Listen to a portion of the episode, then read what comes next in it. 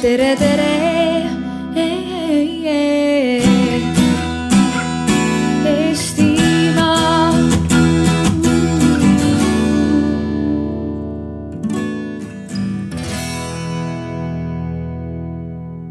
Ühiskonnakorraldusega riikide vahelised liitlassuhted on palju püsivamad kui siis liitlassuhted erineva ühiskonna, ühiskonnakorraldusega riikide vahel.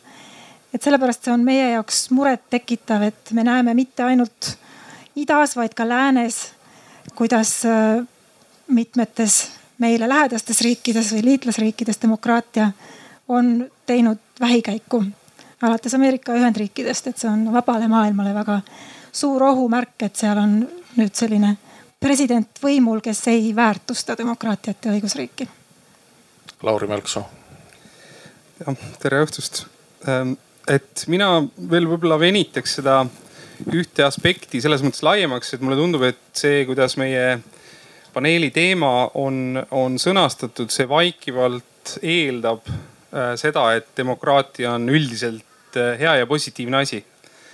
ja ma tahaksin lihtsalt, et me, et me tajuksime, et äh, maailmas on palju jõudusid, mitmeid jõudusid, kes niimoodi ei arva. ehk siis demokraatia küsimus on on paratamatult ideoloogiline küsimus. demokraatia ei ole ainus ideoloogia võimust ja valitsemisest, mis, mis maailmas on olemas ja kui me räägime demokraatiast, siis me peame paratamatult võtma noh arvesse siis neid ka demokraatia kriitilisi suundi, sest nemad on mõnes mõttes need demokraatia konkurendid.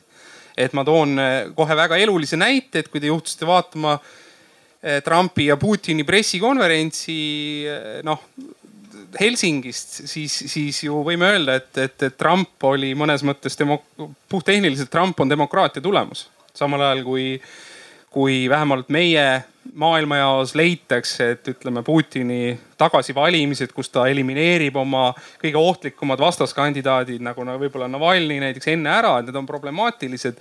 aga, aga kui te, kui te asetate ennast, ütleme näiteks Eesti, Eesti äh, spetsiifilisest situatsioonist kõrvale, siis võib ju küsida kuskil neutraalsemas riigis, et kumb kandidaat jätab parema mulje puht nii-öelda riigimehena või loogiliselt mõtlevana ja siin on, siin on nagu mõtlemise koht, et, et demokraatia demokraatiat on alati süüdistatud ka selles tema kriitikute poolt, et ta noh, produtseerib võib-olla napakaid tulemusi ja, ja mõnede arvates Trump oleks võib-olla üks näide sellest, et, et mis demokraatia kiitusest me räägime, kui demokraatia produtseerib Ameerika Ühendriikidele trumbi Andres Kasekamp, jah. no selles, mis Lauri ütles, võib äh, paljuski vastu vaielda. selles mõttes, et äh, Trump ei olnud demokraatia tulemus, ta oli konkreetselt selle valimissüsteemi tulemus, et tegelikult Hillary ju sai rohkem hääli. et rahvas oli rohkem äh, tema poolel.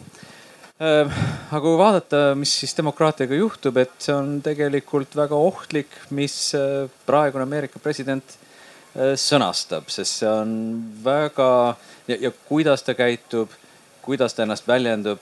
ta on devalveerunud üldse ütleme tsiviliseeritud suhtlemist äh, liitlaste vahel ja nagu sa tõid selle väga hea näite Trumpi ja Putini kohtumisest, et tundub ja, ja võib näpuga näidata ka tema eelneva kohtumisele äh, Põhja-Korea diktaatoriga, et maailma kõige suurema demokraatia liider tunneb ennast praegu paremini diktaatorite seltskonnas kui äh, kaasdemokraatide seltskonnas, nii nagu oli väga värvikalt näha G7 tippkohtumisel Kanadas mõni kuu tagasi.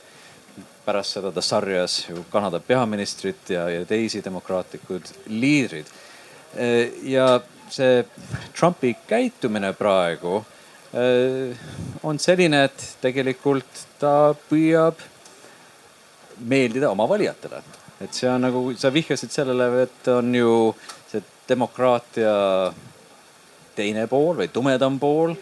ja Trump on tegelikult saanud toetust sellest, et äh, valijad on olnud selle vastu, et eliit on otsustanud ja ei ole avalikkusega arvestanud ja Trump on üks asi, milles ta on kindel, see võib meile mitte meeldida, aga ta on asunud kohe täitma oma valimislubadusi. meie meelest, ma arvaksin nagu üldiselt lääne väärtusruumi jagavate riikide jaoks on paljud need seisukohad päris vastuvõtmatu, aga ometi ta on orienteerunud sellele, et oma valijaskonnale oma lubadusi täita. Enne kui ma annan sõna Malle Ellamile, kasutan oma moderaatori õigust ja kutsun inimesi sealt tagant tulema siia telki, et siin ees on veel paar vaba kohta ja võtke oma toolid kaasa, et siin peaks olema ruumi, et ei pea seal vihma käes istuma ju. no kui vihma käes on hea, siis on teine asi. okei okay., jah, aga Mall Ellam, noh, tegelikult kui me räägime Trumpist, siis sina oled ju olnud seotud maaga kaua aega, kus on selline mini-Trump ju kaua aega võimul olnud ja sind seostatakse Ungariga. et et äh, sinu valik muidugi, et kas sa tahaksid rääkida Ungari näitest või, või praegu siis demokraatiast laiemalt? no kui nüüd laiemalt rääkida ja lähtuda sellest, mis oli meie paneeli kirjelduses, siis, siis üks küsimus oli see, et, et kes kaitseb äh, demokraatiat kõige enam ja kas üldse neid kaitseid jätkub ja kas, kas neid on. Äh, ja noh, siin tuleb anda ikkagi edasi üks positiivne sõnum, et, et, et murelikud inimesed tuhanded, miljonid eh, see progressiivne selline vabakond, mis tuleb tänavatele, see kaitseb demokraatiat kindlasti ühe kaitsjana, aga ta ei saa olla ainus kaitsja, sest eh, lõppude lõpuks vabakond ei otsusta ja otsuste tegemine on alati meie esindajate käes. aga praeguse demokraatia keerulisusest tõesti annab märku ka olukord Ungaris et äh, ei ole lihtne ka see demokraatia, millest räägiti veel kakskümmend aastat tagasi, kus ikkagi suurem osa eesrindlikest maadest oli, oli ühel meelel, et demokraatia on see äh, ütleme, ideaal, mida keegi ei ole ju saavutanud oma täiuses, mille poole liikuda. Loomulikult oma puuduste, nõrkuste, äh, ka lünkadega, aga see on see, mis hoiab meid koos mille raames on võimalik kokku leppida äh, äh, ja kui reegleid järgida, ennetada hirmsaid asju, konflikte, sõdu ja muud. ja nüüd hakkab see kõik lagunema ja see on, see on see on kohutavalt ohtlik.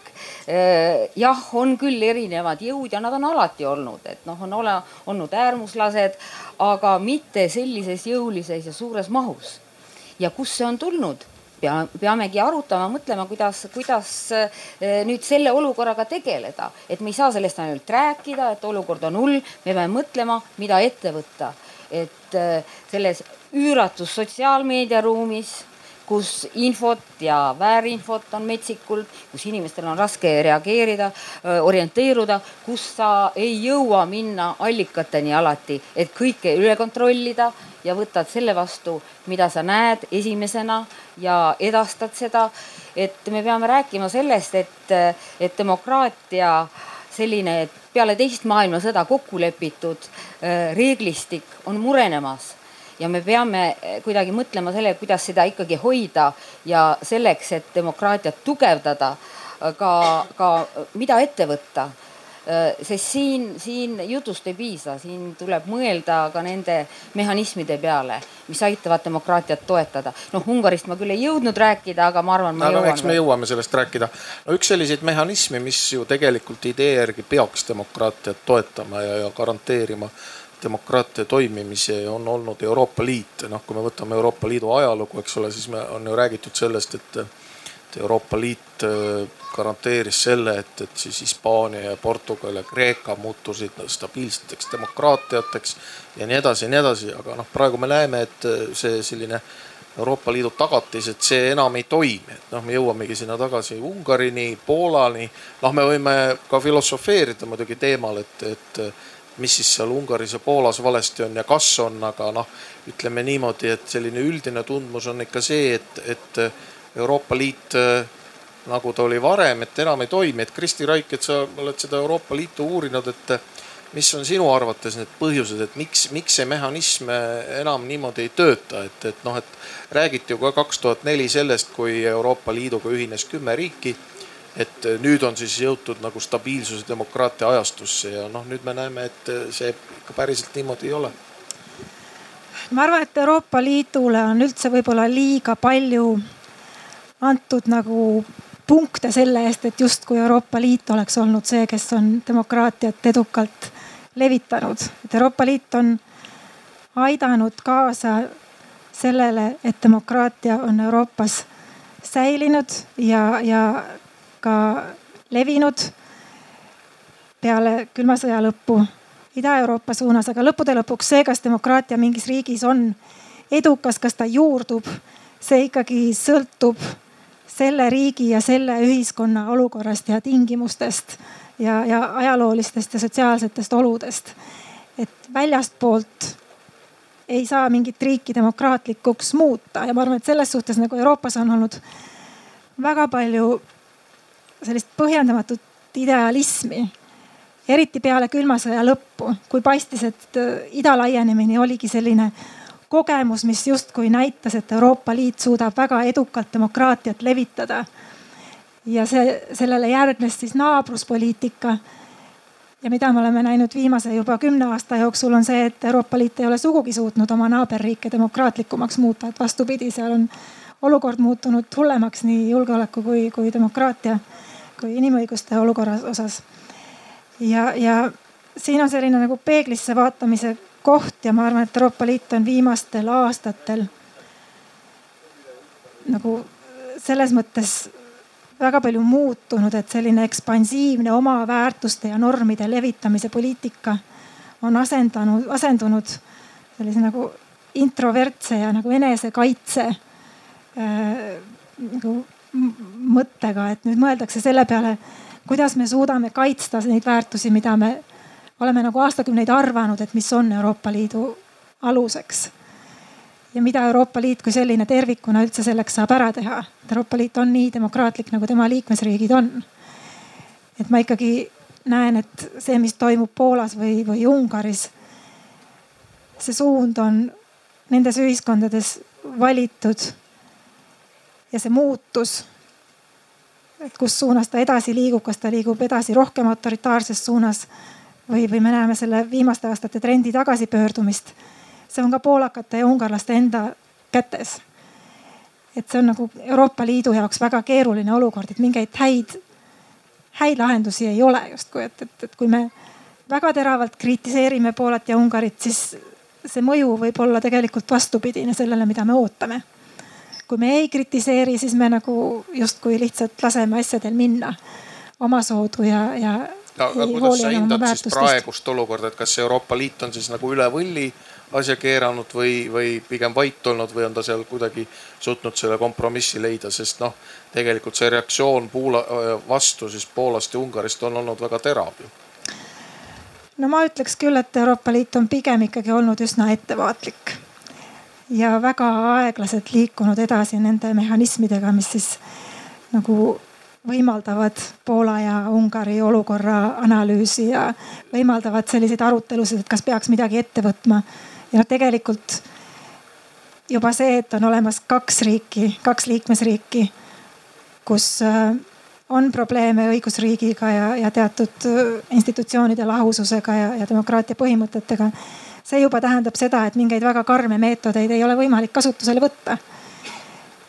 ja et noh, see ühesõnaga, see ei ole mupo, kes lajatab sulle parkimistrahvi kohe, eks ole, et. et no me võime rääkida sellest, et kas näiteks Euroopa Liit peaks lõpetama Ungari rahastamise aga mis see tagajärg siis oleks?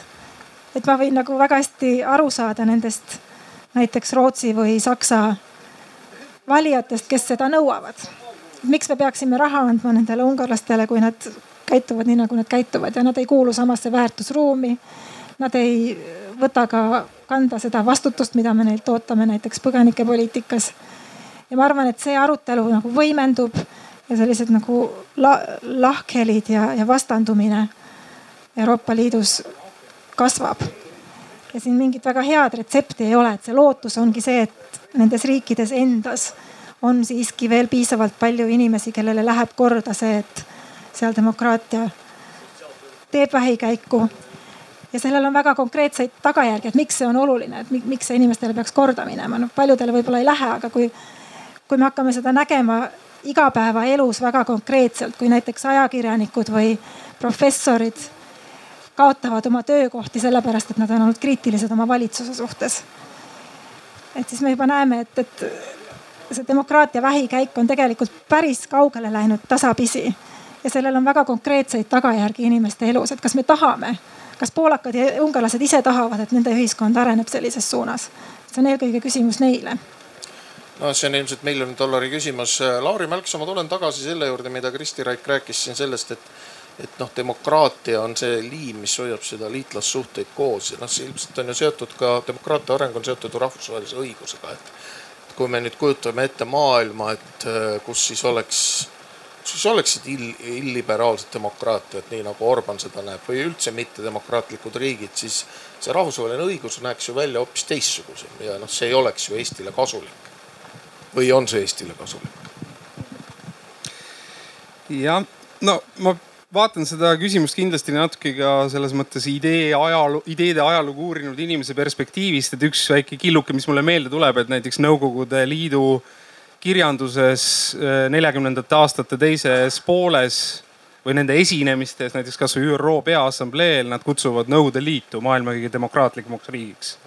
eks minu jaoks on see näide sellest, kui olemuslikult äh, ideoloogiline ja vaieldav on, on, on see noh juba demokraatia mõiste ise, et, et üks, üks on see, mida inimesed enda kohta ütlevad, kõik tahaksid seda, seda mõistet sisustada nii-öelda endale, endale kasulikult, et need erinevad näited, mida siin on toodud neid võiks kõiki kritiseerida demokraatia seisukohast. näiteks sina, sina ütlesid, et Euroopa Liit on, kuidas ta on nii-öelda panustanud äh,, ma ei tea, demokraatia kuidas öelda, levikule Ida-Euroopas äh, ühelt poolt õige, teisalt äh, see kirjand, kirjandus, mis kritiseerib Euroopa Liitu ennast kui mingil määral defitsiitselt demokraatlikku, on ju massiivne.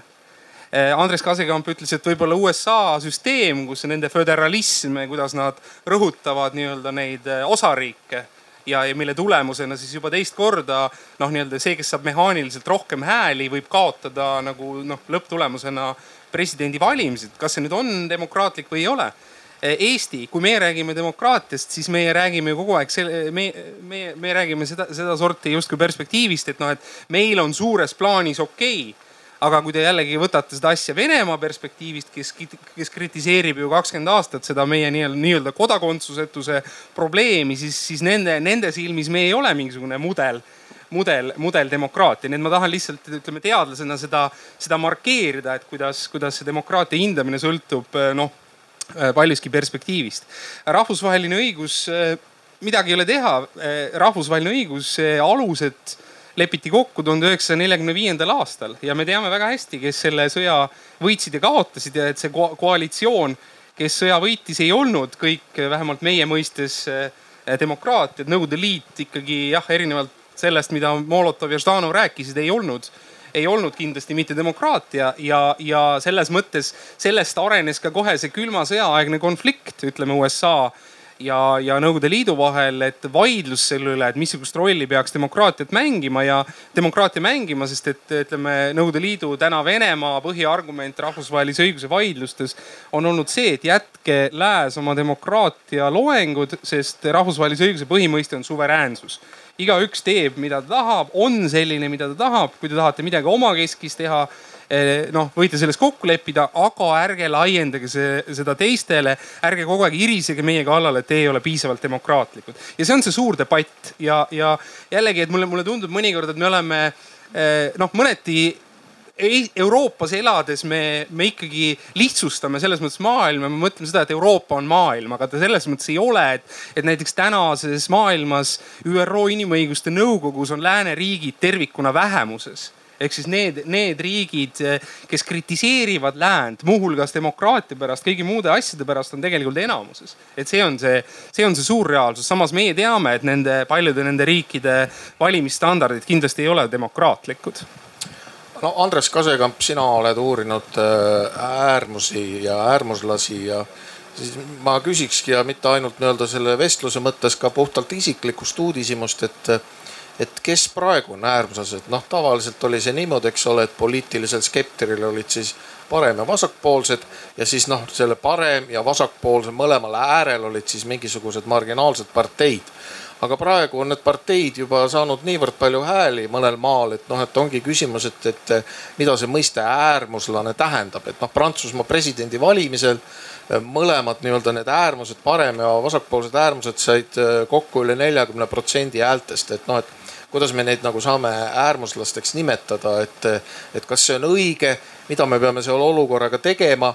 ja noh, me näeme ka seda, eks ole, et paljud nii-öelda need endised mainstream parteid on ju kaotanud äärmuslastele, et nad saavad ju palju vähem hääli.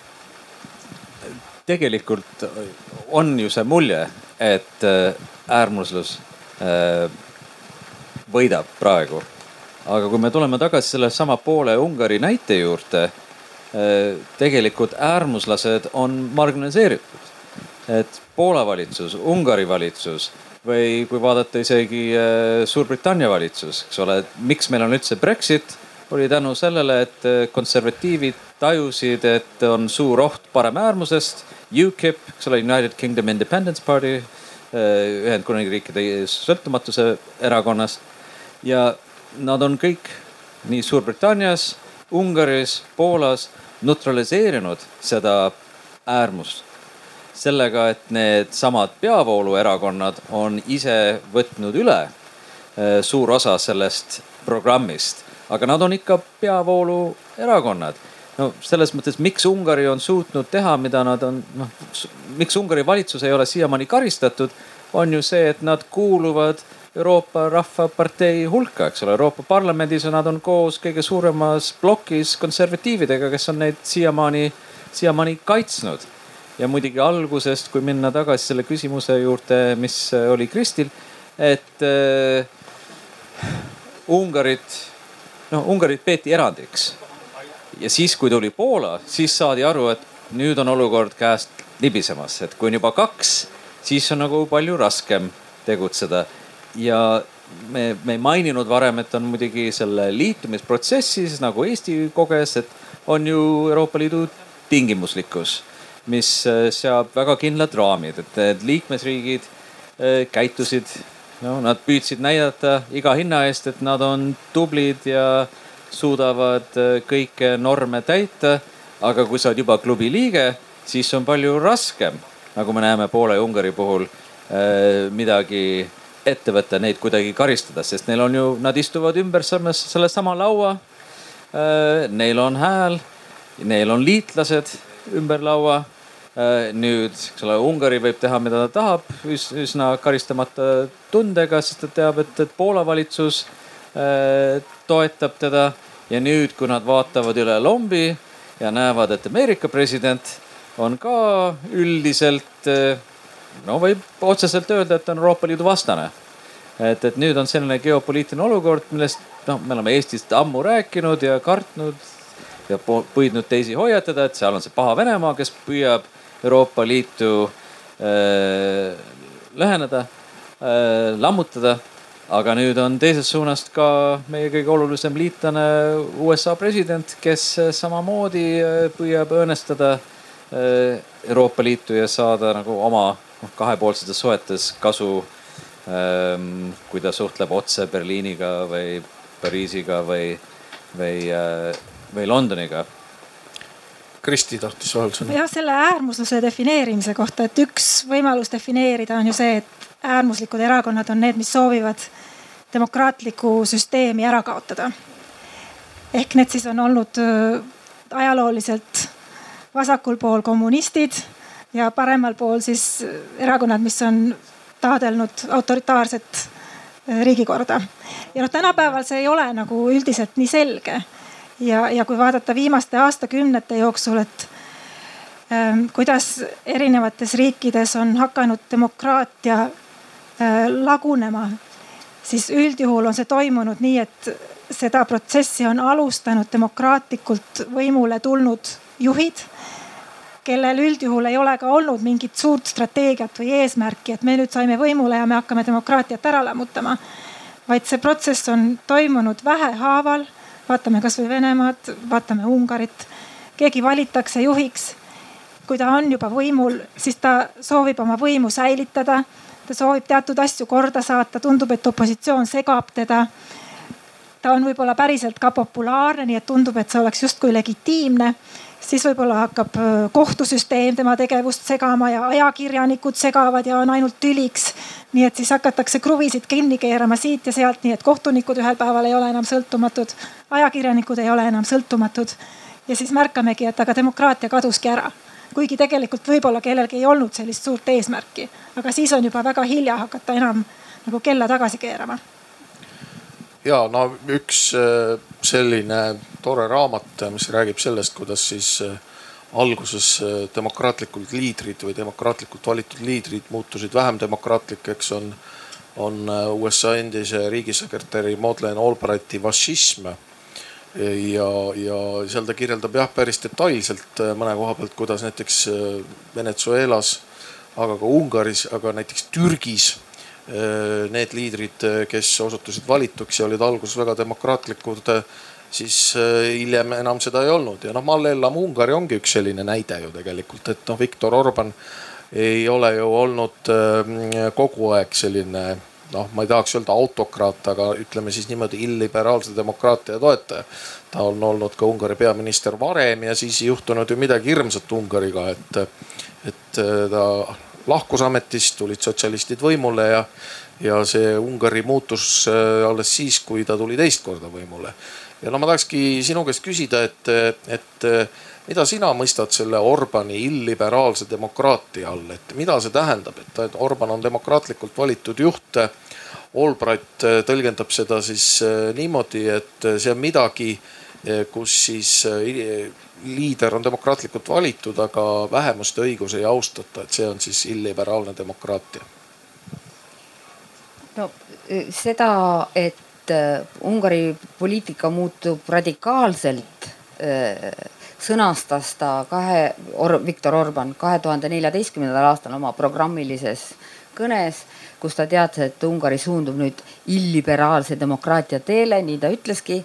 Ja, äh, ja võtab suuna äh, oma ütleme tema moodi idapartnerlusele Venemaaga, võtab suuna majandussuhetele Hiinaga, mida ta nimetas siis äh, poeetiliselt idatuule poliitikaks, see on üks Ungari rahvalaulust üks reakene selline, et läks väga emotsionaalselt nagu oli mõistetav paljudele ja see tõesti noh, ametlikult hakkas pihta väga jõuliselt kahe tuhande neljateistkümnendal aastal, aga tegelikult need muutused Ungari poliitilises elus hakkasid tunduvalt varem. Ja ma alguses ütlesin ka, et, et poliitikat teha on nüüdsel ajal hirmus keeruline, et eh, info paljude tegijate tõttu, info ülekülluse tõttu ja et leida oma niši, sa pead ekstra ja sa pead pingutama väga palju ja leidma selle nii-öelda salatee rahva südamesse. Ja eh, sellega hakkaski eh, peale oma valimiskaotust üheksakümnendate lõpul ta hakkas, hakkas Viktor Orban väga tõsiselt tegelema äh, ja oma niši otsima. Ja äh, kuigi ta oli olnud kunagi suur liberaaldemokraat ja kaheksakümne üheksandal aastal isegi George Sorosi stipendiumiga Oxfordis aasta õppinud, mille eest ta talle oli siis väga tänulik talle Äh, siis hiljem äh, ta muutus väga selgelt pragmaatiliseks poliitikuks ja kõik see, mis praegu toimub, on selle suure pragmaatika tulemus või tagajärg, kuidas võtta. ja äh, muidugi see, et, äh, et äh, ohjeldada kohtuvõimu ja vaba meediat, see ei juhtu, see ei juhtu juhuslikult, see on kõik plaani, suure plaani üks osa ja, ja see võimaldab ju seda ja sillutab teed sellele, et saab, kui sind ei kontrollita, kui vaba meediat ei ole, nagu Ungaris on, kõik peamised infoallikad on, on Ungari oligarhide käest, kes kõik on Orbanile lähedal seisvad inimesed ja poliitikud. eks Ungari teine kõige rikkam inimene on tema endine sandtehnik toruluksepp, kes on imekombel omandanud suuri valdusi ja saanud, võitnud erilisi konkursse. ja tegelikult, äh, kui nüüd tulla Euroopa Liidu rolli juurde, Ungari äh, ütleme ka Ungariga äh, dialoogis olemises, siis loomulikult tuleb kritiseerida neid ema, ebademokraatlikke samme. aga need ebademokraatlikud sammud viivad korruptsioonini, mis Ungaris on täiesti eh, enneolematul tasemel praegu juba ja õnneks Euroopa Liidu korruptsioonivastase võitluse agentuur Olav on nüüd eh, andnud välja väga selged raportid, kus, kus Ungaril õigemini Soros, vabandust Orbani lähedastel oligarhidel tuleb käia miljard, miljoneid ja miljardeid eurosid raha väärkasutamise pärast. et selles mõttes on Euroopa Liit teinud head tööd, natuke aeglaselt küll, aga praegu on toodud esile kõik need avalike konkursside reeglite rikkumised ja nii-öelda rahade äh, kantimised sellele lähedal seisvale ringkonnale. ja väga oluline Ungaris on ka nii-öelda see riiklik toiduahel. ja kuigi paljud salamisi kritiseerivad seda, mis toimub, on just riigiasutustes töötajad väga suures sõltuvuses sellest, mida nad räägivad ja mõtlevad.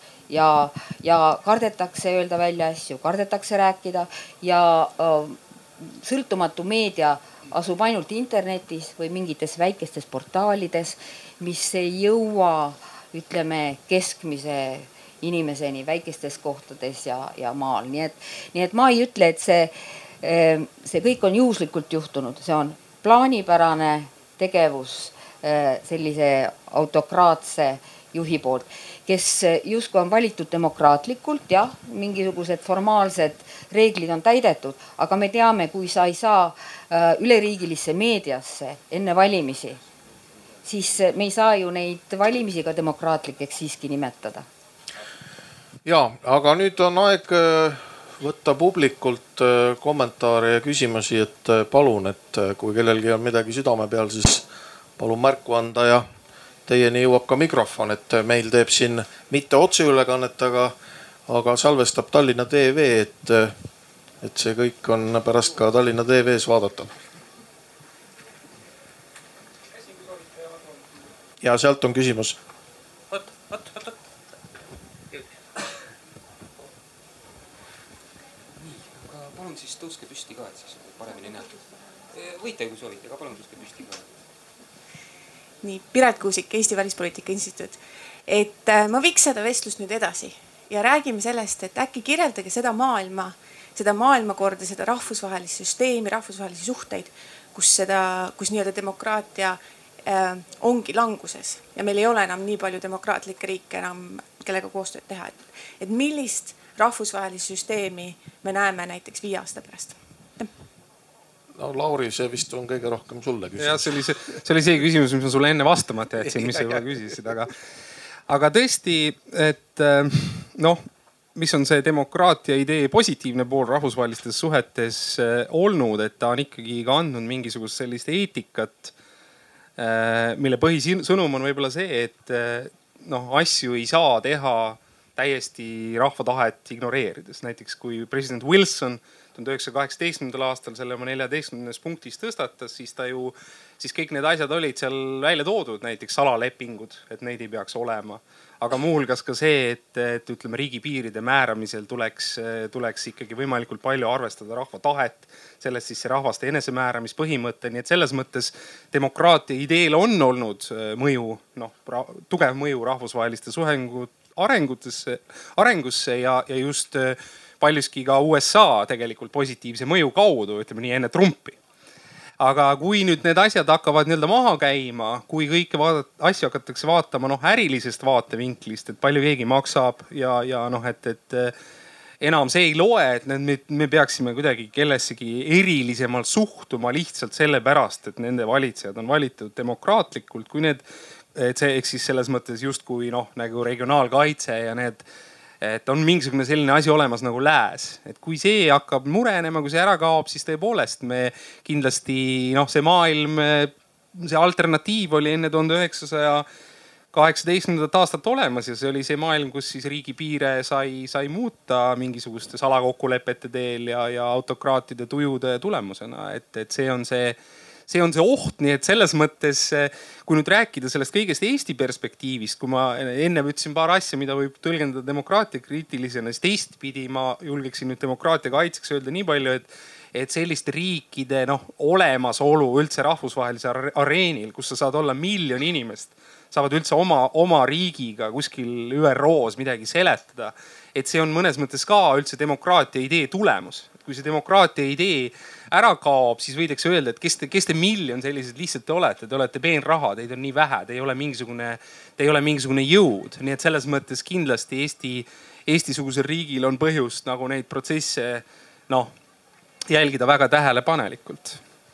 No ometi me kuuleme ju küll, et, et, et see siin Eestis ka, et see, mida teeb Trump, et see on kõik väga õige see, mida teeb Viktor Orban, on kõik õige ja et noh, et demokraatia võikski olla selline, et just see mind ongi pannud imestama, et noh, et et USA USA-ks ja Ungari Ungariks, aga et, et noh, et kuidas siis nagu Eesti edasi saab, et, et et noh, see viib ka ju sellise loogilise järelduseni, Lauri, sinu jutust, et et Eesti üks rahvusvahelisi ülesandeid ongi siis teha nii-öelda kõike endast võimalik, et see demokraatia säiliks aga kui ma tohin veel ühe mõtte lisada, mis mulle tundub nagu nii-öelda struktuurselt olulisena ja, ja ka selle Ungari mõistmisel, sedasama Orbani mõiste, illiberaalne demokraatia mõistmisel, et noh, et me peame need argumendid läbi mõtlema ja läbi arutama, et mulle tundub, et tema põhikriitika on tegelikult selles mõttes, sa ütlesid, et selle taga on pragmatism.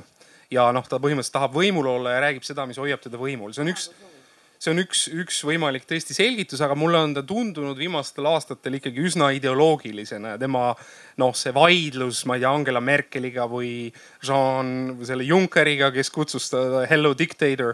et, et see on üsna ka selles mõttes selline ideoloogiline vaidlus ja, ja mulle tundub, et tema vaidlus, kui ta kasutab mõistet illiberaalne demokraatia, siis see siis see põhiargument on tal selles võib-olla ja nendel tema mõttekaaslastel, et kui te et räägite, kõik räägivad demokraatiast, et oi kui tore, aga tegelikult on viimasel, viimastel aastatel on hakatud üha enam kasutama sedasama näiteks seda õiguste diskursust või just sedasama liberaalset diskursust, mis tegelikult piirab rahva tahet näiteks õiguste diskursusest lähtuvalt öeldakse, et see, et kas abielluda saavad naised ja mehed või ka näiteks eh, samasoolised inimesed, see ei olegi enam demokraatia küsimus, see on õiguste küsimus.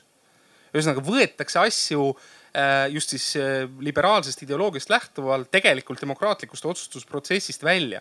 ehk siis, ehk siis on, on meil tekkinud teatud situatsioonides mingisugune, mingit sorti pinge äh, noh, demokraatia ehk siis rahva tahte ja ütleme nii liberaalse ideoloogia, kuidas öelda, ettekirjutuste suhtes, mida tohib, mida ei tohi teha. no samamoodi nii nagu üheksakümnendatel aastatel Eesti aktsepteeris seda, nii nagu teisedki Ida-Euroopa riigid, et surmanuhtlust ei ole, kuigi tolles ajahetkes mingi seitsekümmend protsenti inimestest arvas, et loomulikult äh, a la kui keegi kellegi ära tapab, siis ikka peaks surmanuhtlus olema. ehk siis mõnes mõttes me otsustasime seda mittedemokraatlikult, noh kui, kui niimoodi tähte närida. ja, ja, ja siis veel ma, ma arvan, et see Trumpi Trumpi esiletõus ja siis seesama illiberalismi esiletõus nendes Võšegradi riikides, et, et seal väga oluliseks märksõnaks ikkagi on see migratsioon ja kuidas sellesse suhtuda. et äh, Lääne-Euroopas, Saksamaal, Prantsusmaal on seda multikultuurset ühiskonda ehitatud üles aastakümneid pärast teist maailmasõda.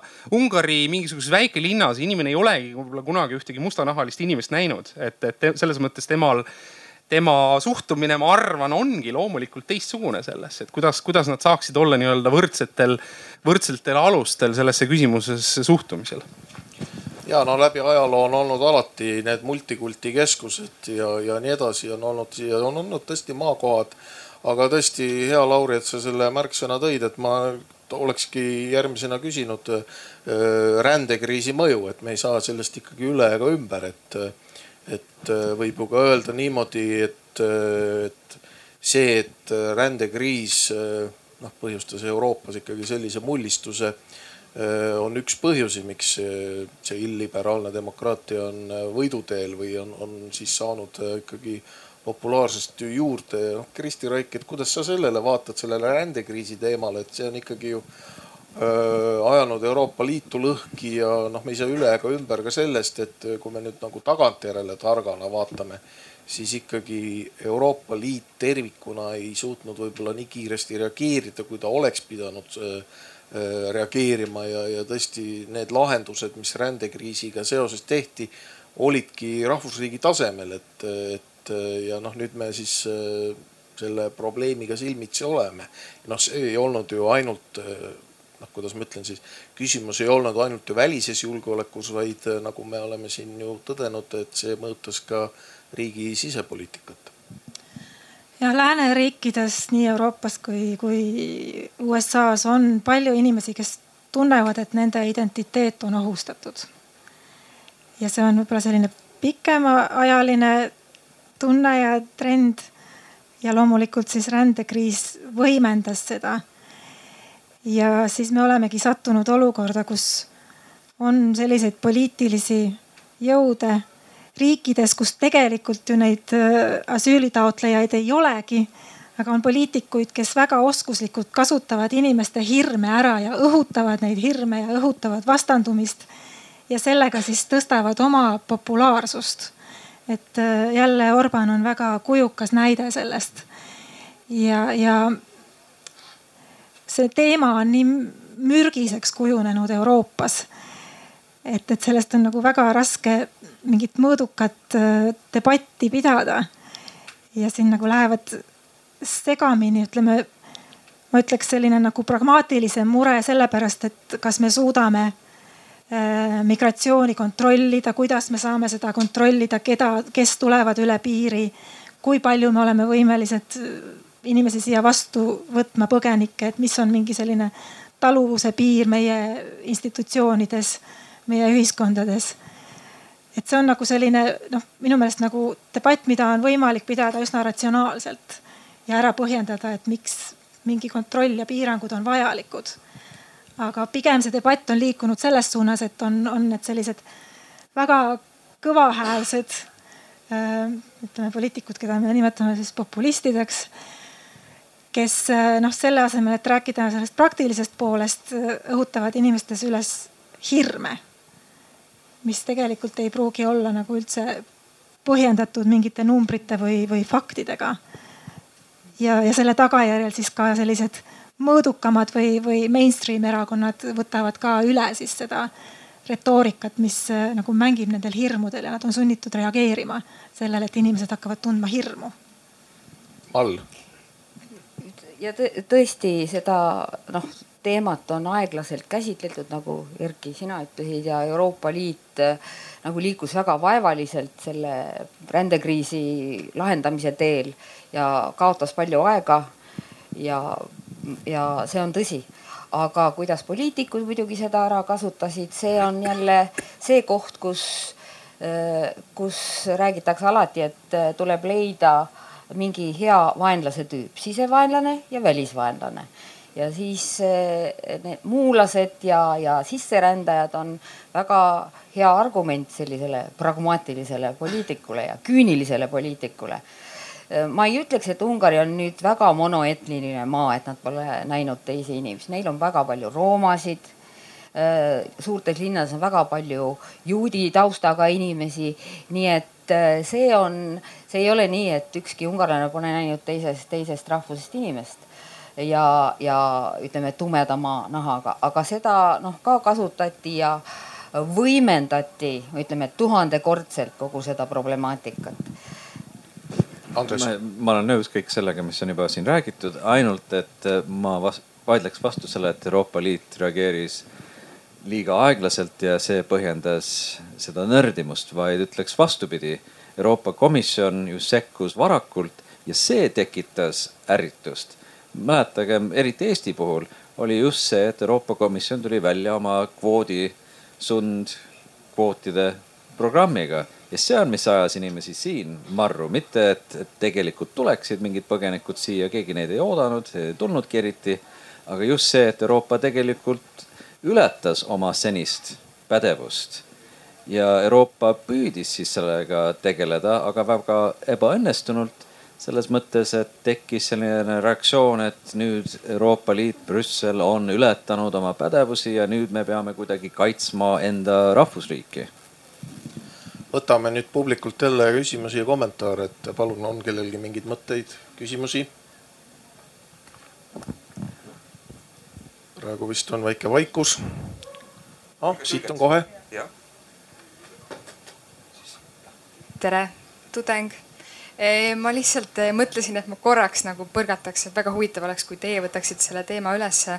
et kuidas teie kommenteerite näiteks Eesti siis äh, nii-öelda näiteks võimude lahusust ja kuidas meil on siin asjad et kui me vaatame tänapäevast äh, süsteemi, et kes meil töötab tegelikult seadusi välja ja kuidas see on nagu meil riigi tasandil korraldatud, et kas te näete ka tegelikult, et nagu te tõite väga ilusti välja, on ju, et Ungaris tegelikult need äh, märgid olid palju varakumalt äh, näha juba mingid tegevused, mis toimusid, mis viisid siis nende sündmusteni.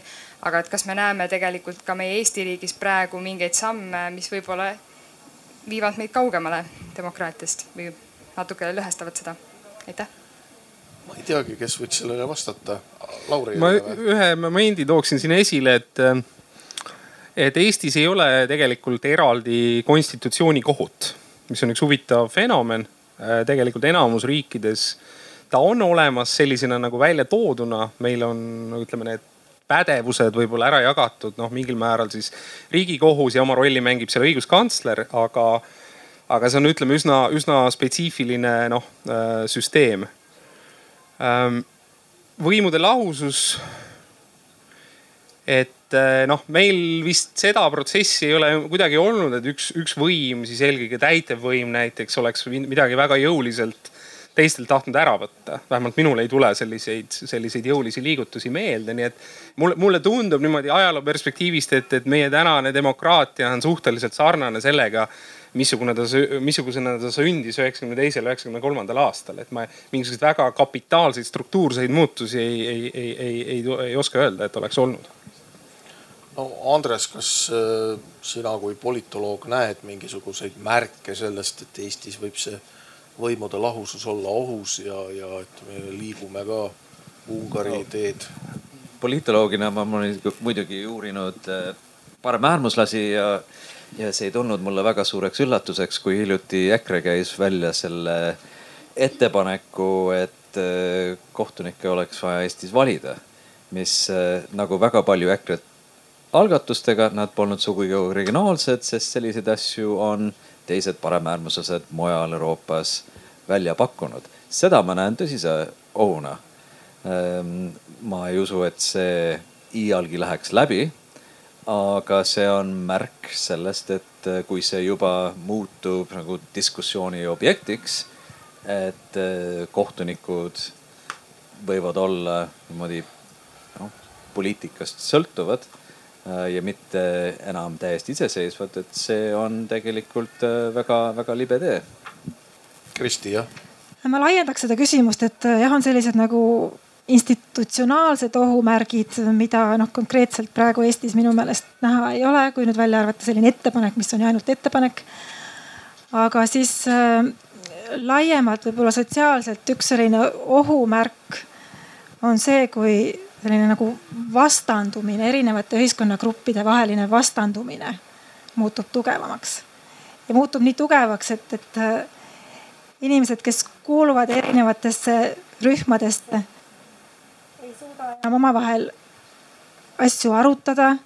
rääkimata sellest, et nagu leida mingit ühisosa, kes võib-olla isegi hakkavad üksteist vihkama, kes arvavad, et see teine rühm, see poliitiline vastane, et tema seisukohad on meie jaoks ohtlikud, et nad on võib-olla moraalselt valed. et nad ohustavad kas siis meie identiteeti või, või, või mida iganes.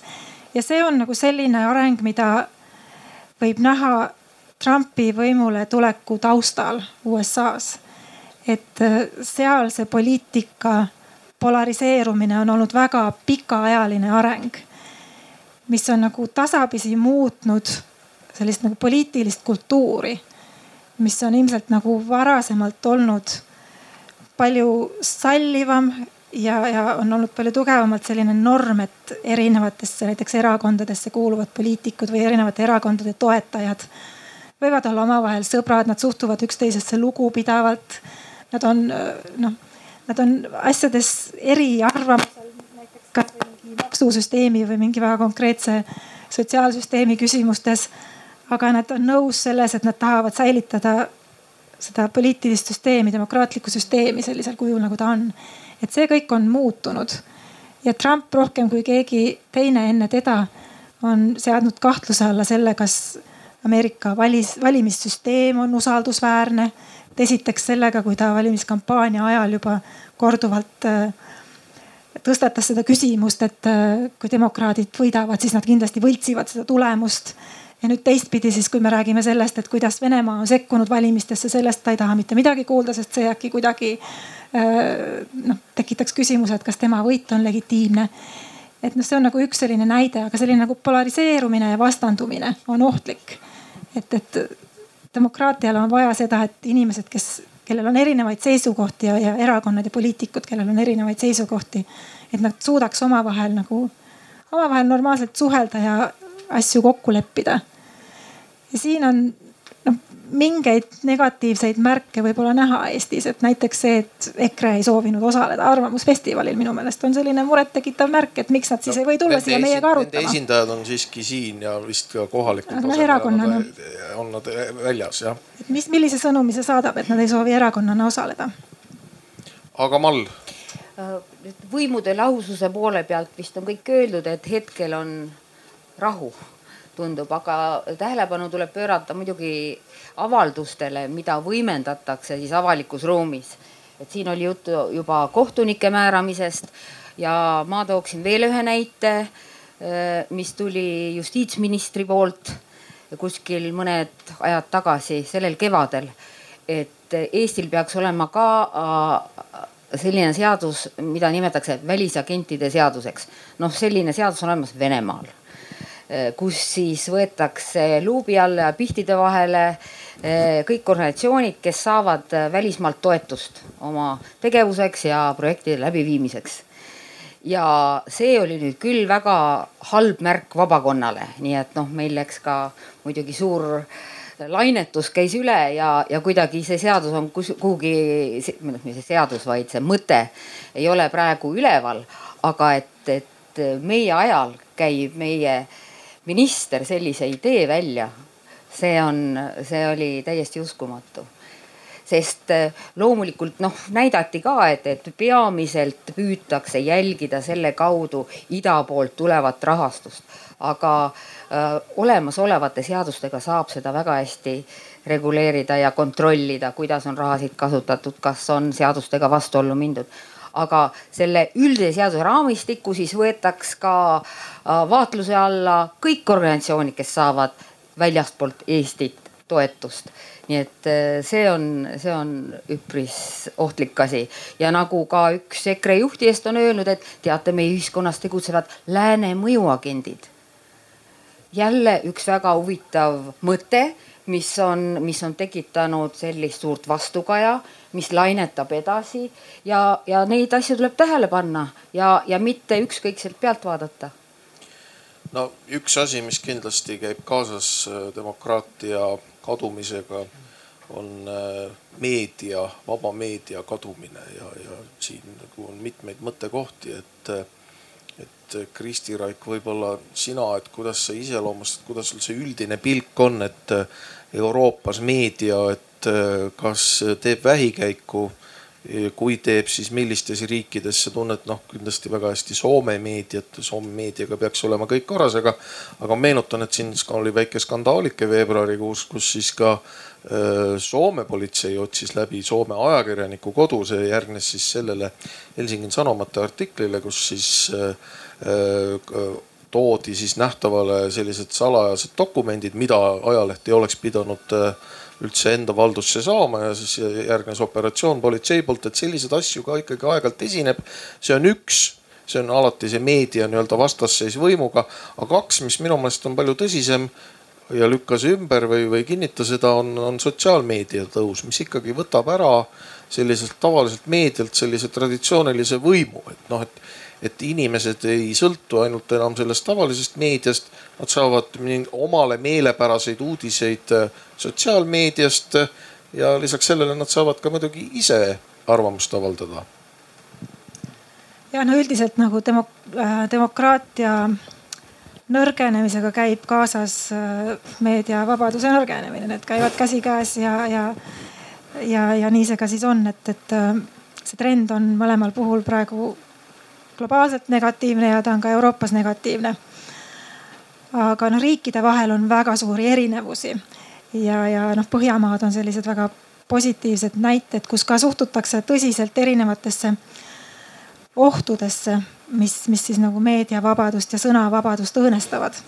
et sa mainisid seda ühte, ühe toimetaja juhtumit, noh, tema töötab endiselt edasi äh, Helsingi Sanomate ajakirjanikuna. Ja mis on nagu Soome puhul näiteks üks selline positiivne märk on see, et Helsingi Sanomate tellijate arv on isegi tõusnud viimasel ajal, mis on küllaltki ebatavaline. aga noh, neid ohtusid ühelt poolt on sellised nagu oma ühiskonna seest tulenevaid ohtusid, jällegi see debati polariseerumine ja see, et tõesti siis sotsiaalmeedias igaüks loeb neid uudiseid, mis nagu vastavad sellele oma maailmapildile ja, ja, ja, ja erinevad rühmad ei suhtle omavahel. Äh, ja, ja samas on siis väljastpoolt ähm, praegu just seal kuskil pealaval ilmselt arutatakse teemal fake news, et selline nagu väljastpoolt äh, välisriikide ja, ja muude äh, rühmade püüdlused sekkuda vaba meedia tegevusse, mõjutada, levitada väärinfot, vääristada debatti. Et see on ka selline asi, millesse ma ütleks Põhjamaades suhtutakse tõsiselt ja, ja tehakse tööd selle nimel, et nagu professionaalne meedia oleks tugev. ja et inimesed juba koolis õpiksid seda, lapsed juba, et, et kuidas äh, eristada sellist nagu professionaalset meediakanalit mingist äh, fake news ilmingust ja, ja millised on usaldusväärsed infoallikad, kuidas neid nagu hinnata. Et, et see eeldab nagu päris palju tööd, et selle nagu muutuva muutuvas meedia välja, meediaväljas siis keskkonnas seda meediavabadust säilitada?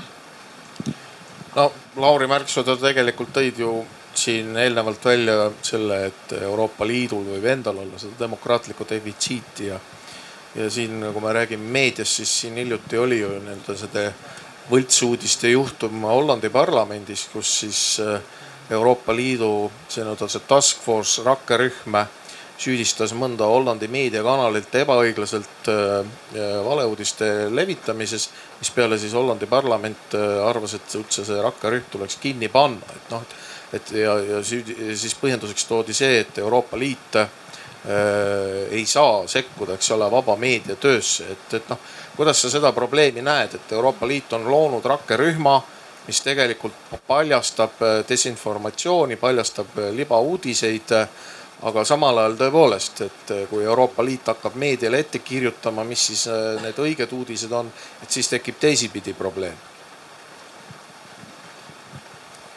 kui ma oleksin poliitik, siis ma hakkaksin mingit juttu rääkima selle kohta, aga ma, ma jään selles mõttes vastuse võlgu. mul on see probleem olnud võõras. meedia kui selline ei ole mind iseenesest kunagi piisavalt huvitanud, et ma, et ma tohutult selle, sedasorti küsimusi kaaluksin, et ma annaks selle küsimuse edasi, kelle, keda see. Malle, Mallil oli näpp püsti minu meelest sa praegu ütlesid äh, või nagu kirjeldasid selle desinformatsiooni rakkerühma tegevust natuke äh, erinevalt nagu, kuidas mina aru saan. minu meelest nad teevad fact checking ut ja nad ei ütle, et see on valeuudis, nad toovad esile need uudised, artiklid, kus on äh, faktide põhjal äh, valetatud. Ja see ei ole meediakontroll, see on just see, mida me vajame. Andres ei taha täiendada? ma tahtsin öelda just sedasama, mis, mis Mall, et see ei ole, et keegi hakkab nüüd ette kirjutama, et see on, see rakkerühm on tilluke, väga vähesed panevad üldse tähele, ainult need, kes on sellest väga huvitatud. ja see on lihtsalt, et juhtida tähelepanu, et siin ei ole mingit ettekirjutust kellelegi. väga kaugel sellest. võtame vahepeal publikust veel küsimusi, et on kellelgi veel mõtteid tekkinud ja kommentaare? ja seal. aga tõstke tere, Hans. ma võib-olla ei küsikski midagi, aga, aga väike kommentaar lihtsalt, et äh, kuidagi viimased aastad äh, on läinud maailm seda teed, et, et meil on nagu justkui mingite väärtuste puudus. et me kuidagi nagu äh, oli kunagi üks äh,, üks tark raamat, mille järgi elati ja, ja ja kuidagi seal olid nagu käsud, pean silmas piiblit siis. Et äh, meie kogu tsivilisatsioon nagu põhines selle kümnel käsul. et tänagi, et, et enamus maailmast nagu justkui ei usu midagi. aga mul on selline tunne, et mida kaugemale me nendest käskudest läheme, et kui me nendest nagu kinni ei pea, siis kuidagi kõik läheb pimedamaks kuidagi. et ja eriti nagu murelikuks teeb näiteks see, et, et Ameerikas on selline president, kes nagu noh, kes teeb tehinguid ainult. et kõigel on hind, et nagu väärtusi meil justkui ei ole, et vaatasin just hiljuti seda. Netflixis oli üks pikk dokumentaal Vietnami sõjast, päris hea. ja seal oli läbi erinevate presidentide see sõda käis. ja ja seal äh, hakkas nagu silma, et mõnel presidendil oli väga äh, äh, suur oli nagu see tahe astuda vastu näiteks kommunismile äh,. täna äh, maailma suurim demokraatia, et me peame maksma neile, et nad meid kaitseks. näiteks äh, ma mäletan, ma võin eh, numbrites natuke eksida, aga ma mäletan, kui äh, Lõuna-Koreas oli see mõni aeg tagasi, avati mingisugune USA baas või laiendati seda või sai valmis, ma täpselt ei mäleta.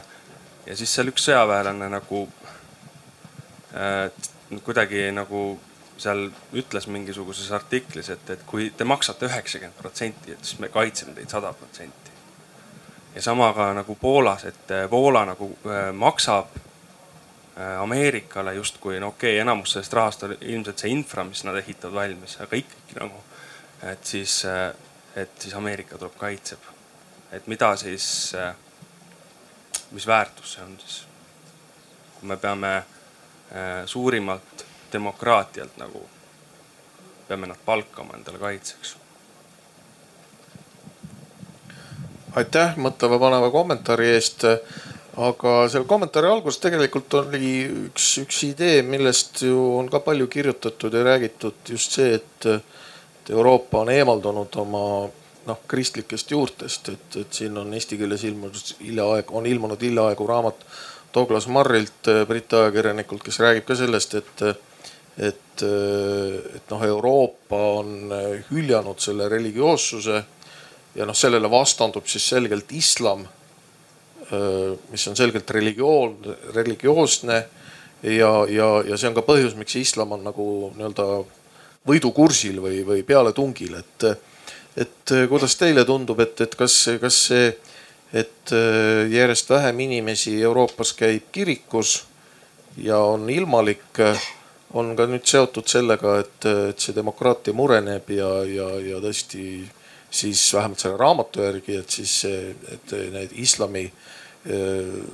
terroristid ja noh, üldse moslemid, eks ole, et need kinnitavad siis Euroopas järjest rohkem kanda, et, et see on selline, see on, ma muidugi irooniliselt pean ütlema, et see on jälle selline sari, et, et Euroopa allakäik, aga noh, äkki siis on see tõsi, Kristi ma ise ei, ei läheks kaasa selliste teooriatega, mis otsivad religioonist või selle puudumisest siis seletusi maailma poliitikale.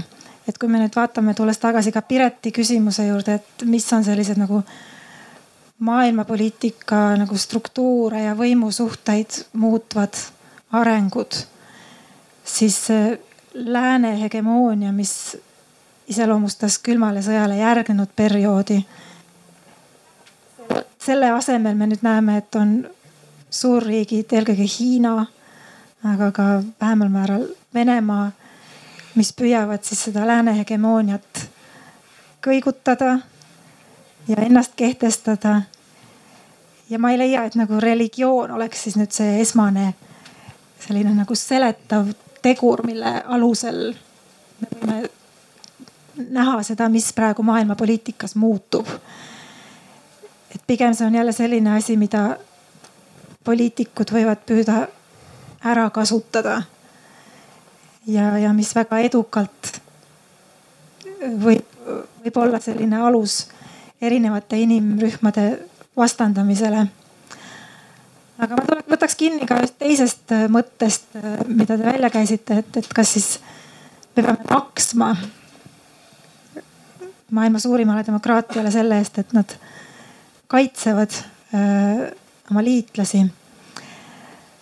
ja noh, siin noh Trump Trumpiks, aga tuleb täheldada ka seda, et tegelikult see, see mõtlemine on, sellel mõtlemisel on, on Ameerikas ka päris sügavad ajaloolised juured, et Ameerika pigem tegelgu iseendaga, oma julgeolekuga, selline nagu isolatsionistlik mõtlemine. ja, ja lisaks siis ka veel eriti see mõte, et äh, Ameerika ei peaks vastutama Euroopa julgeoleku eest. Et pärast, isegi pärast teise maailmasõja lõppu, äh, kui, kui äh, rajati NATO ja rajati paljud rahvusvahelised organisatsioonid, mis on tänase päevani kestnud. et, et tegelikult see nagu debatt ja mõtlemine Ameerikas siis juba käis selle ümber, et kuidas ikkagi võimalikult vähe koormat ja vastutust võtta Ameerika peale. Et eurooplased peaksid ikkagi ise oma tulevikus oma julgeoleku eest vastutama ja, ja hoolitsema ja maksma. et, et siin nagu ei ole tegemist nagu ainult Trumpi nähtusega, et miks nüüd justkui me peaksime hakkama ise selle eest maksma. kas Ameerika kaitseb Äh, ja, ja siin võib täheldada ka teatud, teatud sarnasust äh, ütleme Obama ja, ja Trumpi vahel selles suhtes, et ka Obama püüdis tagasi tõmmata USA globaalseid kohustusi. ja püüdis võtta nagu vähem vastutust globaalse julgeoleku eest. et ka tema nagu tajus seda, et ameeriklased ei olnud valmis enam nii palju teiste riikide julgeoleku eest maksma. et see on selline nagu üks laiem debatt et äh, kes, kes siis hoolitseb Euroopa julgeoleku eest ja kas eurooplased peaks ise rohkem sellega tegelema? Lauri toob sõna, siis Andres jah. hästi kiiresti veel lisaks, et äh, nojah, kui otsida religiooni ja demokraatia seoseid, siis äh, noh, kõige ilmalikumad riigid või ilmalikumate tendentsidega riigid maailmas Ehm, mingisuguste keskaegsete religioossete ettekujutuste mõttes kipuvad ju olema protestantlikud riigid. samas, samas protestantlikud riigid minu arvates on või ütleme, selle dominandiga riigid on olnud just väga olulised demokraatia kui sellise tekkimisel ja arengus ja, ja ka teistsuguse nii-öelda teistsuguste uskude aktsepteerimisel, kaasa arvatud, kaasa arvatud siis USA-s aga, aga mulle tundub, et, et religioonid ju nad ei anna noh otseseid vastuseid poliitilistele küsimustele, neid tuleb tõlgendada, et kuidas siis seda püha teksti, kuidas seda õpetust siis nii-öelda ellu viia ja, ja, ja mina lihtsalt, kui ma kõrvalt vaatan, siis mulle, mulle tundub äh, näiteks seesama Angela Merkeli ja Viktor Orbani debatt äh, sellest, et kuidas suhtuda teistesse inimestesse mingis mõttes ka kaasaegse religioosse debatina, ehk siis nad on Eh, võib-olla ma, ma tõlgendan Orbani seisukohta võib-olla liiga suuremeelselt, aga, aga mulle tundub, et see on nagu kaks erinevat versiooni kristlusest. et Orbanil on rohkem selline ristisõdija äh, kristluse kontseptsioon ja, ja, ja noh, Merkel on siis nagu ema Theresa või mingi selline äh, et, et, et see on, see on selles mõttes nendel, nendel asjadel on kindlasti alati võimalik näha religioosseid taustu, et kas, kas inimesed isegi alati sellest, osalejad ise teadlikud on, on iseküsimus. Andres. jah, sekundeerides äh, Laurile ja, ja vastates seda küsimust äh, usu rollist, et äh, ma tooks näide, juttu oli islamist, siis äh, vaatame Saudi Araabiat et Saudi Araabia on kindlasti üks äh, fundamentalistlikum, religioossem riik maailmas tänapäeval aga ometi needsamad islami terroristid, kellest me oleme rääkinud.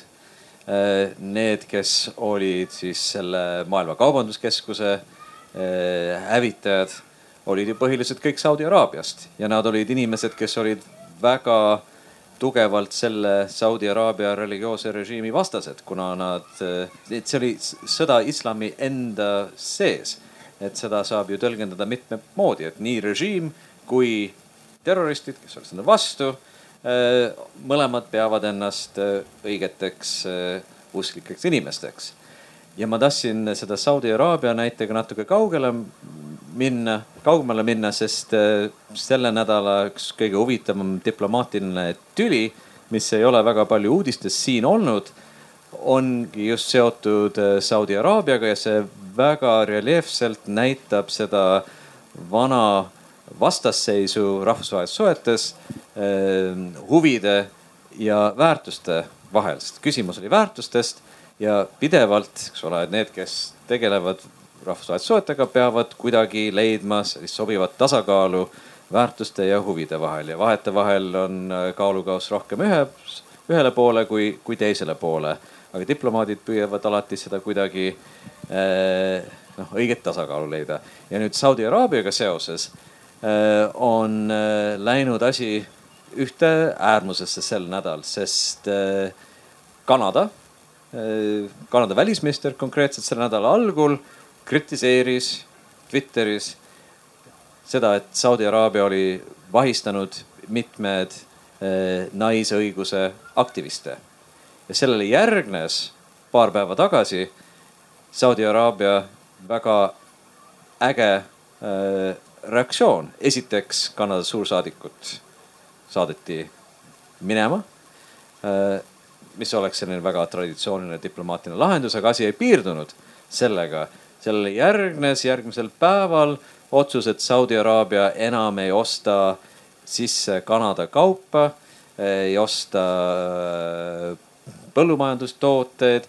Saudi Araabia firmadel anti juhised, et nad peaksid müüma maha kõik osalus, mis neil on Kanada firmades.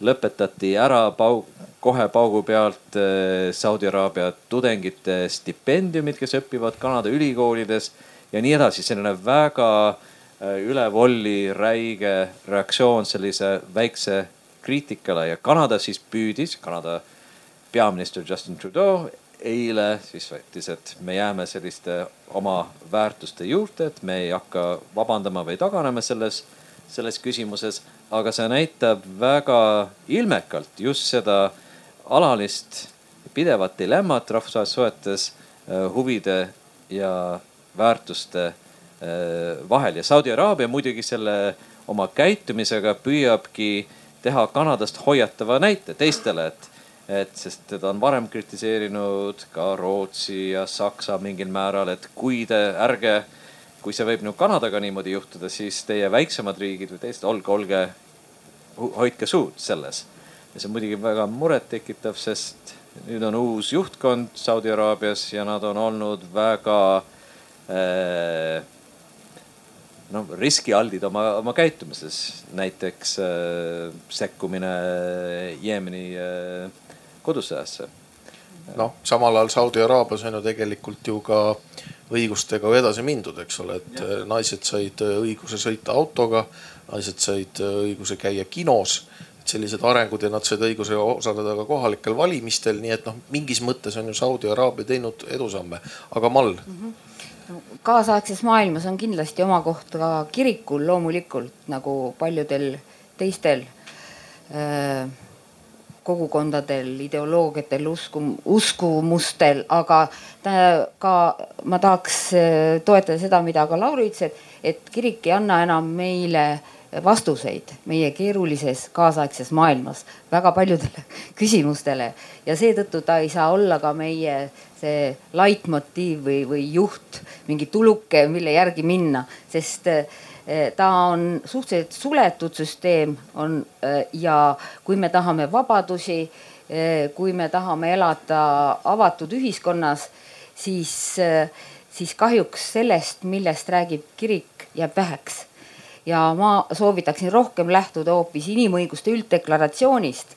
seal on, see on üks õige piibel millest, eh, mida võiks eh, rohkem uurida ja õppida ja mille, mida järgida, kus tõesti on, on vabadused tagatud, poliitilised õigused äh, inimestele ja, ja mis, mis tagab ka õigusriigi, mida, kus kõik on võrdsed seaduse ees. no kui me nüüd tuleme tagasi selle meie väitluse algusse ja, ja hakkame siin vaikselt otsi kokku tõmbama, siis äh, siis ikkagi selline põhimõtteline küsimus, mis minul aeg-ajalt tekib, on see, et, et kui iseloomustatakse neid noh, demokraatia teelt kõrvale kaldunud süsteeme, siis ikkagi väga kiiresti või siis ütleme küllalt kiiresti tulevad kasutusele sellised mõisted nagu natsid, fašism ja, ja nii edasi ja noh, sealt edasi siis siis räägitakse sellest, et et noh, see võib viia holokausti kordumiseni ja, ja nii edasi ja nii edasi, et kui need nii-öelda ebasoovitavad inimesed ära koristada.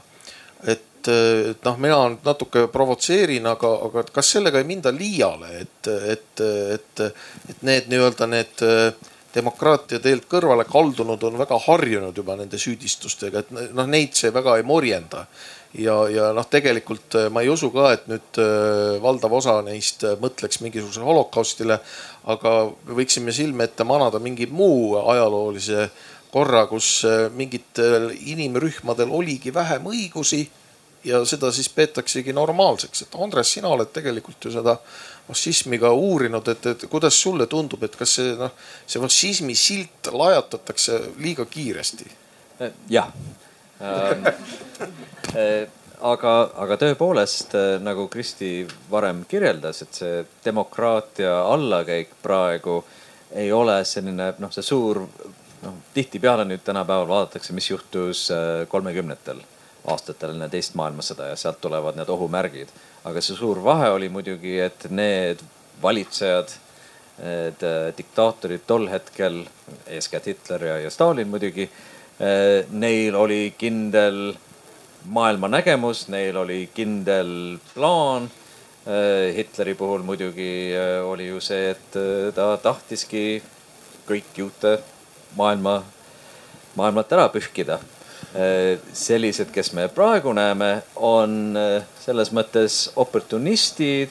no Trumpi puhul, Orbani puhul, et ei tundu olevat mingit kindlat plaani, ainult omaenda võimu äh, kinnitamine, et, et see, see noh, paradoksaalselt, see on jube pealt näha, aga see annab mingisugust äh, lohutust, et, et ei olegi mingit suuremat plaani, et et jah, et vabadused võivad äh, mingil määral väheneda, aga see, et hakatakse füüsiliselt hävitama kedagi, nii kaugele me vist küll ei lähe, kuigi muidugi äh, oli ju USA puhul just hiljuti see äh,, kus vahistati need äh, noh, laps äh,, laps sisserändajaid ja, ja eraldati neid oma vanematelt, mis oligi juba noh, meenet-, meenutas, kuidas olukord hakkas kolmekümnendatel tasapisi minema.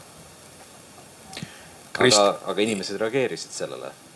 mis, mis nagu kolmekümnendatel väga palju ei, ei juhtunud, eks ole jah, et noh, Kristi Raik, et, et noh, kuidas me siis selle olukorraga peaksime toime tulema, et võib-olla vähem kasutama seda natsismi silti ja, ja kui Andres ütleb, et nendel demokraatia nii-öelda siis noh, vaenlastel, ma ei tahaks nii öelda, nad ise nimetavad ennast ka demokraatideks, aga siis noh, ütleme siis nendel demokraatia vastastel jõududel eh, ei ole plaani, siis meil ju võiks olla mingi plaan, et aga, aga kuidas me selles plaanis kokku lepime ja, ja kes seda plaani juhib, et see vist tundub olevat selline miljoni dollari küsimus. ja no selge on see, et globaalselt demokraatia on nüüd kaitsepositsioonil, et selles mõttes ajastu on muutunud. et äh, see külmale sõjale järgnenud periood, kui justkui tundus, et demokraatia aina levib ja levib ja ongi selline äh, norm, mida kõik varem või hiljem hakkavad järgima. see, see mõtlemine, see aeg on möödas. seda kestis võib-olla viisteist, kakskümmend aastat pärast külma sõja lõppu aga nüüd me elame maailmas, kus on omavahel konkureerivaid ühiskonnamudeleid ja poliitilise korralduse mudeleid. ja me peame sellega kuidagi hakkama saama. ja, ja maailmas on endiselt palju demokraatlikke riike, aga, aga demokraatia taandareng on see praegune trend, mis karta on, et ka läheb edasi. ja, ja mida siis sellega peale hakata ähm,? ma arvan, et, et näiteks Eesti-sugusel väikeriigil väärtushinnangud või selline demokraatial põhinev ühiskonnakorraldus ikkagi peaks olema ka selline välispoliitika kompass, et me peame nagu tajuma seda, kui oluline see on Eesti äh, väljavaadetele tulevikus ja Eesti julgeolekule ja meie elustiili säilimisele. Et kas, kas me ise säilime demokraatlikuna, kas meie sõbrad ja partnerid ja liitlasriigid säilivad demokraatlikena. ja, ja mis siin siis nagu aitab seda demokraatiat säilitada. et mitte väga pikaks minna oma jutuga.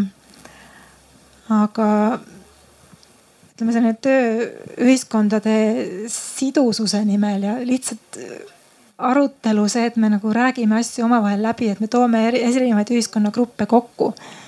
ja, ja ei lase nagu ühiskondlikel lõhedel liiga suurteks kasvada, ma arvan, et see on nagu üks selline praeguse aja väljakutse, mida me peame tegema Lauri tahab rääkida vist.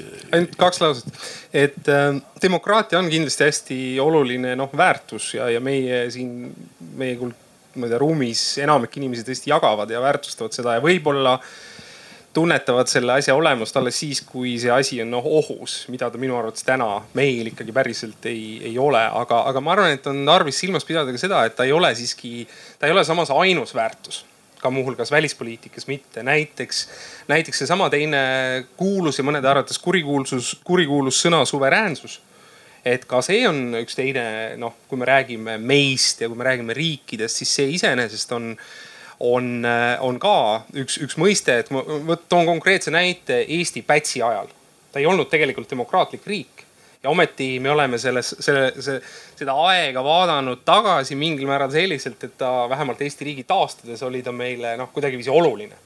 me ju ei mõista seda aega täielikult hukka ja seda, see põhjus, miks me seda ei tee, on, on, on see, et Eesti, Eesti oli toona suveräänne ja me taastasime selle, selle suveräänsuse.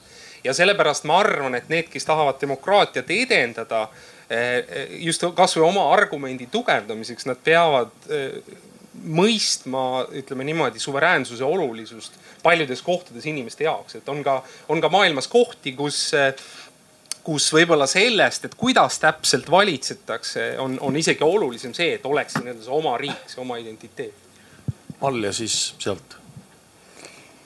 No ja siin võib vaielda, mis on kõige parem mudel ja et kas demokraatia või suveräänsus, aga samas, kui sa oled demokraatlik Eh, sa astud demokraatlikusse liitu teiste maadega, ütleme Euroopa Liitu, teades selgelt, et sa, äh, et sa annad ära tükikese oma suveräänsusest, siis eh, selle nimel, et, et ühiskonnad paremini koos toimiksid, majandus toimiks, siis, siis siis ei, sa võid öelda, et me oleme suveräänsuse ära andnud, aga tegelikult me oleme hoopis demokraatiat tugevdanud. võib-olla see ei ole õige lähenemine, aga mis aitaks veel nagu sellist mõtteviisi edendada, kus sa nagu oled hinges suur ja, ja saad aru nendest demokraatlikest põhiväärtustest.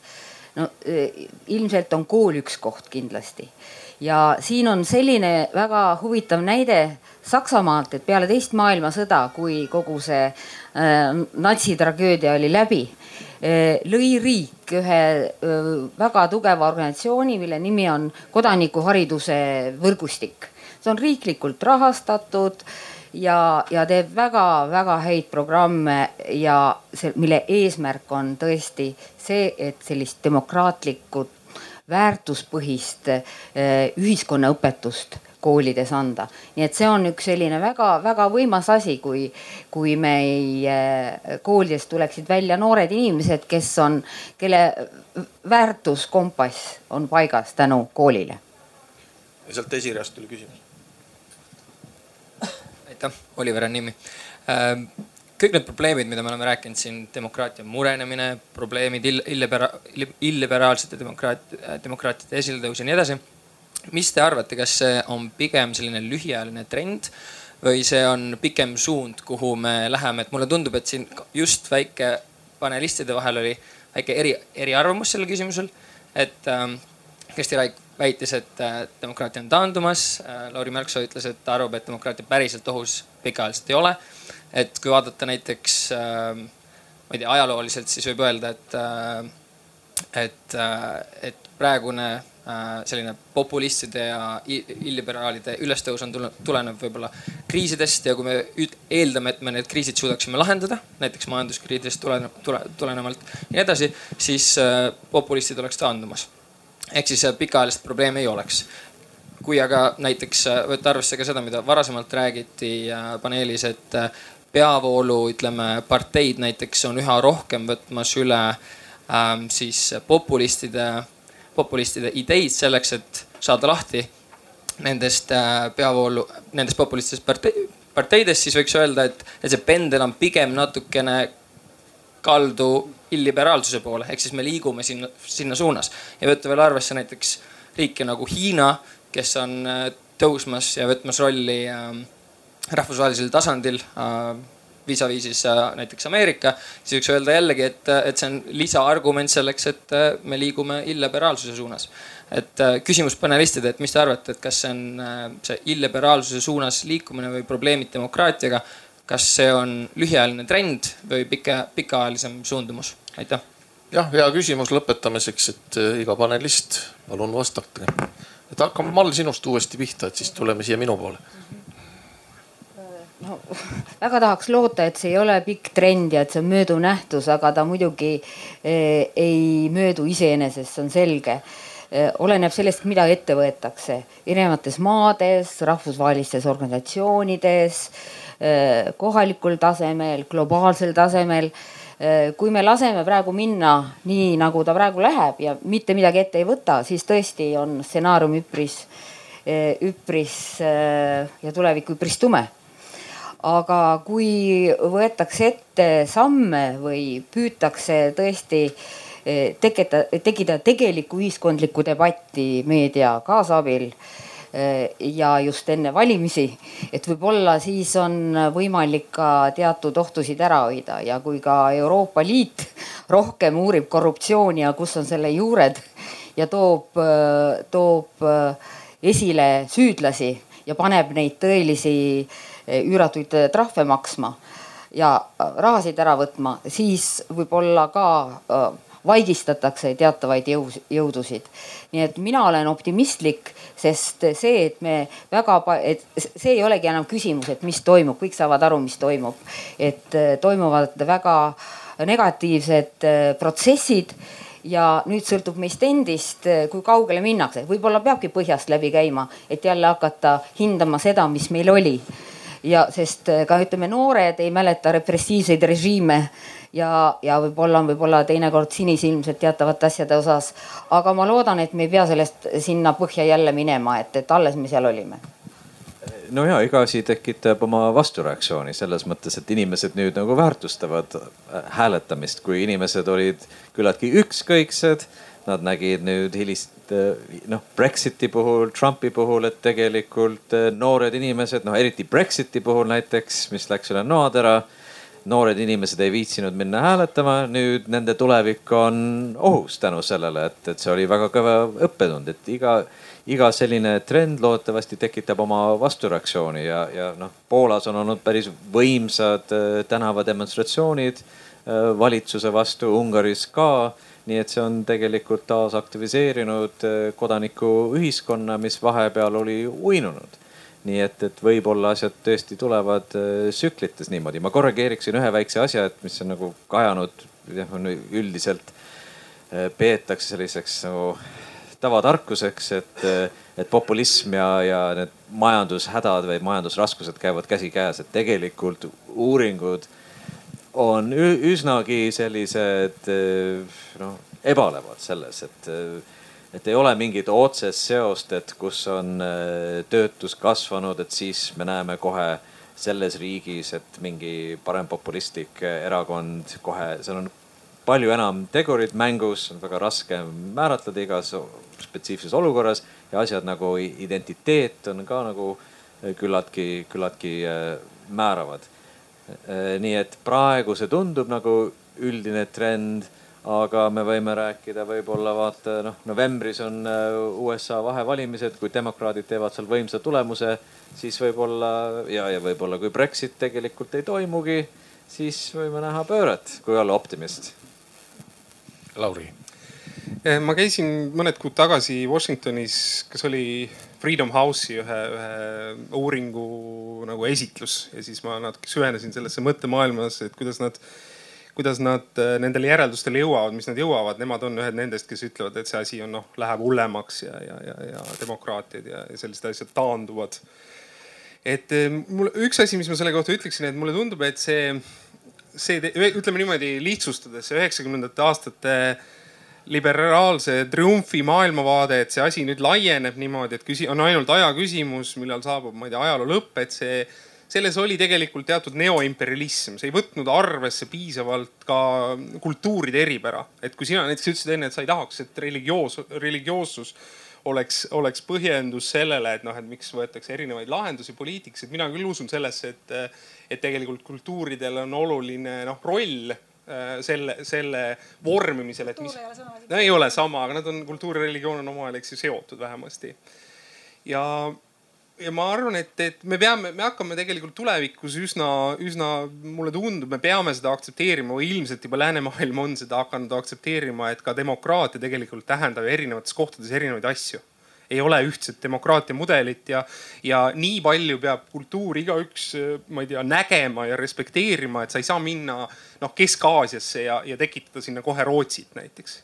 et see on, see saab olema teistsugune ja nüüd küsimus on selles, et kuidas me sellega toime tuleme. loomulikult me, ma usun, et lääne sihiks peab olema jätkata selle küsimust, et kuule, mingisugused valimised ja mingisugune võimu vahetumine, noh, mis ei ole puht nepotistlik, peab ka teil olema aga jah, aga küsimus on selles, et, et, et mis saab läänemaailmast endast ja, ja siin on selles mõttes huvitav, et, et, noh, kõik need Trumpid ja, ja, ja mina näen just seda, seda, seda põhikonflikti olemust selles, et osad inimesed on valmis loobuma demokraatiast, kuna neil on mingisugused teised väärtused. ma ise lihtsustavalt nimetasin ühte nendest väärtusteks suveräänsuseks, näiteks see, et ma ei taha, et siia tuleb Mehhikost liiga palju inimesi ja sellepärast ükskõik kui hull see Trump ka ei oleks, ma hääletan tema poolt et, et, et noh, et, et kuidas sellised nüüd arvamused ja protsessid seda demokraatia tulevikku USA-s mõjutavad?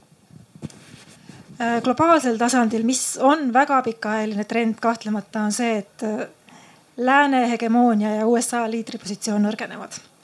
ja see jätkub väga pikka aega. ja mille arvel ta nõrgeneb, et kes siis nagu vastavalt muutuvad tugevamaks. Need on riigid, mis ei ole demokraatlikud, mis ei ole läänelikud. et selles mõttes ma näen siin väga pikka trendi aga kus ma olen võib-olla vähemalt pooloptimistlik, on see, et mis toimub lääne endaga. ja siin on kindlasti mingi tsükliline areng. ja kõige suurem küsimärk on praegu see, et mis toimub äh, USA poliitikas. et kas Trump suudab nõrgestada demokraatiat nii palju, et see süsteem tõesti satub ohtu või, või laguneb. ja noh, seda me praegu veel ei tea, et kui pikaajalise mõjuga tema valitsemisperiood on. Äh, Euroopas ka noh, need ilmingud, mida me näeme, autoritaarsed trendid, et need ei ole pöördumatud. et me näeme küll nagu süsteemseid ohumärke, aga väga võimalik, et neile järgneb siis vastureaktsioon. nii et läänes endas ma arvan, et on täiesti võimalik, et äh, demokraatia jälle kehtestab ennast ja sellele nagu langusele järgneb jälle demokraatia tõus. aga globaalselt ma näen, et demokraatia on siiski nüüd tulevikus pigem selline nagu teatud riikide grupi poolt valitud valitsemissüsteem, mida globaalselt ei, ei jagata või kõik ei pea samamoodi õigeks, nagu meie peame. aitäh, sellega on meie arutelu lõppenud. ma arvan, et meie tore paneel on ära teeninud sellise suure aplausi. ja tänan ka publikut, kes ka panustas ja andis edasi oma kommentaare ja küsimusi